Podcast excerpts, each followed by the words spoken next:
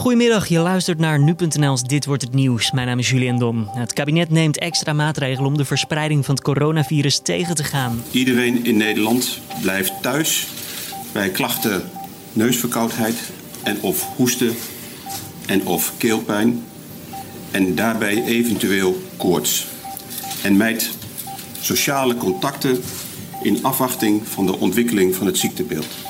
Minister Bruno Bruins hoorde je daar van Medische Zaken. We praten er meteen over verder met Lennart het Hart van onze nieuwsredactie. Lennart, eh, de belangrijkste mededelingen die zojuist zijn gedaan, eh, licht eens toe alsjeblieft. Ja, dat was, uh, dat was ja, dat is het eerste wat eigenlijk echt het belangrijkste is, is dat we eigenlijk niet meer mogen samenkomen in groepen met meer dan 100 personen. En dat mensen dus de oproep krijgen om zoveel mogelijk thuis te werken. ja, indien dat mogelijk is natuurlijk. Want het voorbeeld was, er werd ook meteen gegeven, als je natuurlijk in de zorg werkt, ja, dan, dan, uh, dan moet je natuurlijk liefst wel komen, want die zijn nu echt van vitaal belang. Ja, de minister-president die deed echt een oproep van werk je daar. Ja. Ehm, ja, kijk dan echt overleg met je werkgever. Wanneer kan het wel, wanneer kan het niet? Ja, en sowieso als je klachten hebt, nou ja, hoestklachten, niesklachten, griepklachten, dan blijf je ook thuis.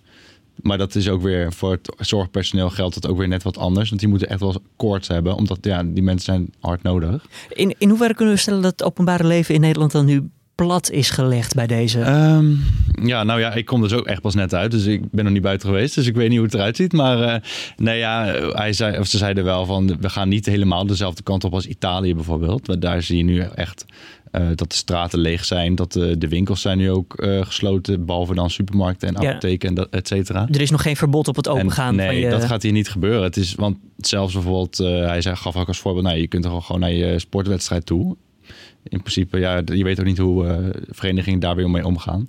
Maar kijk dan wel uit in de kantine, want dan sta je misschien wel weer met uh, meer dan 100 man. Dus ja. De eredivisiewedstrijden zijn trouwens afgelast tot het, uh, volgens mij begin april in ieder geval. Um, ja, concerten, voetbalwedstrijden of andere sportwedstrijden, ja. Ja, waarom zijn deze maatregelen genomen? Want eerder was het vooral niet met elkaar handen schudden. Ja. Dat, dit lijkt echt een enorme stap opeens. Ja, nee, klopt. Ja. Dat was dus met name, dat zei het RIVM ook, uh, Jaap van Dissel uh, nam daar het woord. Um, ja, met name omdat in, uh, in Noord-Brabant, daar is natuurlijk die, die uitbraak nu momenteel het grootst. Um, en ze merken dat ze daar sommige of steeds meer gevallen niet meer kunnen herleiden. wat, wat betreft de bron. En het indammen wordt dan lastiger. Ja, dus dan eerst was het vaak naar Noord-Italië, nog een link of via via Noord-Italië, uh, Duitsland bijvoorbeeld.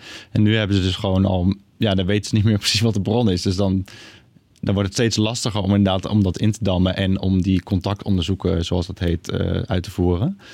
Dus dat was al de aanleiding om, uh, om, om dat te doen. En ze zagen nu ook één geval in Amsterdam en in Rotterdam, dat die ook, waar ze ook niet wisten waar het precies waar het vandaan komt. Inderdaad, de grote steden in Nederland. En ja, om dan toch als voorzorgsmaatregel. Ja, dan, maar dan, gewoon... dan is het nu, ja, dat is eigenlijk al gaande. En dan is het gewoon in Nederland wordt het nu gewoon uh, overgedragen. Wat zijn er verder nog voor noemenswaardige zaken vermeld tijdens die persconferentie, Lennart? Ja, het belangrijkste is wel, en het meest opvallende misschien ook wel, dat de scholen gewoon open blijven in Nederland. En dan gaat het om uh, middelbaar en basisonderwijs.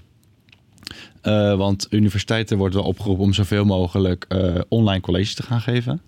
Uh, maar de scholen blijven dus open en dat is vooral gedaan vanuit maatschappelijk belang, zoals ze dat dan zeggen. Wat, wat, betekent dat? Wat moeten we daaronder verstaan? Nou ja, om vooral die druk op ouders dan niet te, op te, te groot te maken.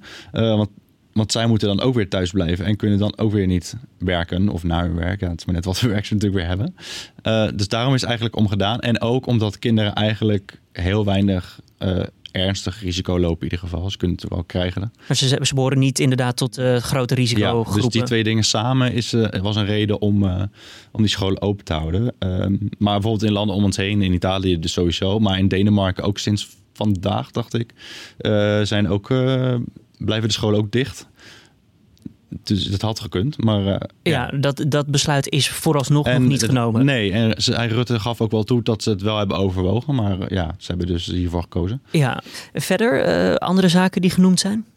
Dat gaat over reizen. vooral mensen die ouder zijn of in een kwetsbare groep behoren, wordt dan, krijgen dan het advies om nou, even niet op reis te gaan. en hetzelfde geldt ook voor ouderen dan om om hen niet te bezoeken. Ja, stel, stel je voor, je draagt ja. het bij je en je merkt het misschien zelf ja. nog niet. Dan wil je niet dat je iemand in die risicogroep zit aansteekt. Nee, precies. Ja, wij zijn nog jong en als, wij, wij hebben milde klachten als we het zouden krijgen. Maar ga je hiermee naar je opa of oma, ja, dan kan het een ander verhaal zijn. Dus ja, dat was dus ook een van de Ja, dat komt dus neer op logisch nadenken, Ja. inderdaad. Belangrijke punten dus, eh, die zijn gemeld, die zijn, die zijn genoemd. Tot wanneer geldt dit? Ja, dat geldt in principe tot en met 31 maart. Eh, dus dat is eh, het einde van deze maand. Eh, en dan gaan ze waarschijnlijk weer kijken of die maatregelen worden versoepeld of aangescherpt. Dat is maar net hoe het virus zich natuurlijk gedraagt binnen Nederland. Dankjewel Lennart het Hart. Dan verder met kort de nieuwsberichten van vandaag. Het RIVM maakte eerder op de dag bekend dat het aantal bevestigde coronabesmettingen in Nederland met 111 nieuwe patiënten is opgelopen naar 614. Het aantal doden als gevolg van de ziekte komt hier uit op 5. Het aantal steekincidenten met minderjarigen in de regio Rotterdam is in 2019 bijna verdubbeld ten opzichte van het jaar daarvoor. Toen ging het om 19 incidenten en in 2019 zelf waren dat er 36, al dus de NOS. Ook in Amsterdam is het aantal minderjarige verdachten bij wapenincidenten gestegen. Het gaat dan om meer dan enkel steekincidenten. Ook gevallen met een vuurwapen of een stroomstootwapen zijn meegeteld. Het Formule 1-team McLaren heeft zich donderdag teruggetrokken voor de Grand Prix van Australië. Dat is gebeurd omdat een teamlid positief is getest op het coronavirus. Deze persoon zit inmiddels in isolatie en staat onder toezicht van de lokale autoriteiten. De eerste Formule 1-race van het seizoen staat daardoor op losse schroeven. De kans is groot dat de Formule 1 door de terugtrekking van McLaren alsnog besluit om de Grand Prix af te gelasten.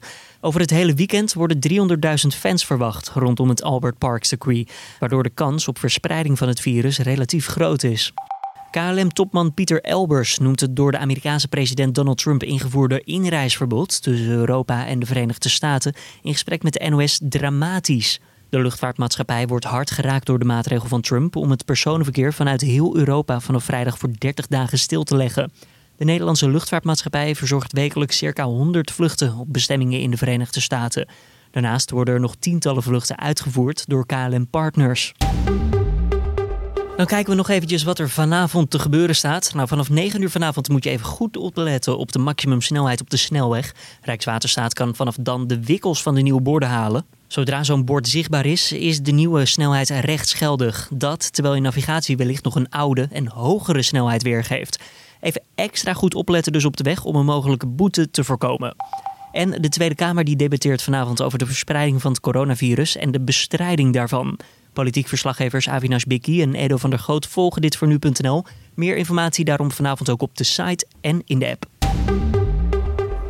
Dan ook het weerbericht. Vanavond trekken de buien naar het oosten weg, maar vannacht volgt vanuit het noorden opnieuw regen. De wind is matig tot stormachtig langs de kust en de minima die liggen rond de 5 graden. Morgenochtend trekt de regen verder weg naar het zuiden. En dit was dan de Dit wordt het nieuws middagpodcast. Tips of feedback altijd welkom. Dat kan je sturen naar podcast@nu.nl. Abonneer je ook op deze podcast zodat je hem gratis en voor niets en vooral automatisch in je eigen podcast app krijgt. Dat kan via Spotify of via bijvoorbeeld Apple Podcasts. Dan wens ik je voor nu een fijne donderdagmiddag. Hier bij nu.nl gaan we gewoon verder met de podcast. We hebben alle mogelijkheden in huis om thuis te kunnen werken en thuis te kunnen opnemen. Dus niet getreurd, want 's ochtends en 's middags krijg je nog gewoon de Dit wordt het nieuws podcast. Mijn naam is Julian Dom. en Tot morgen.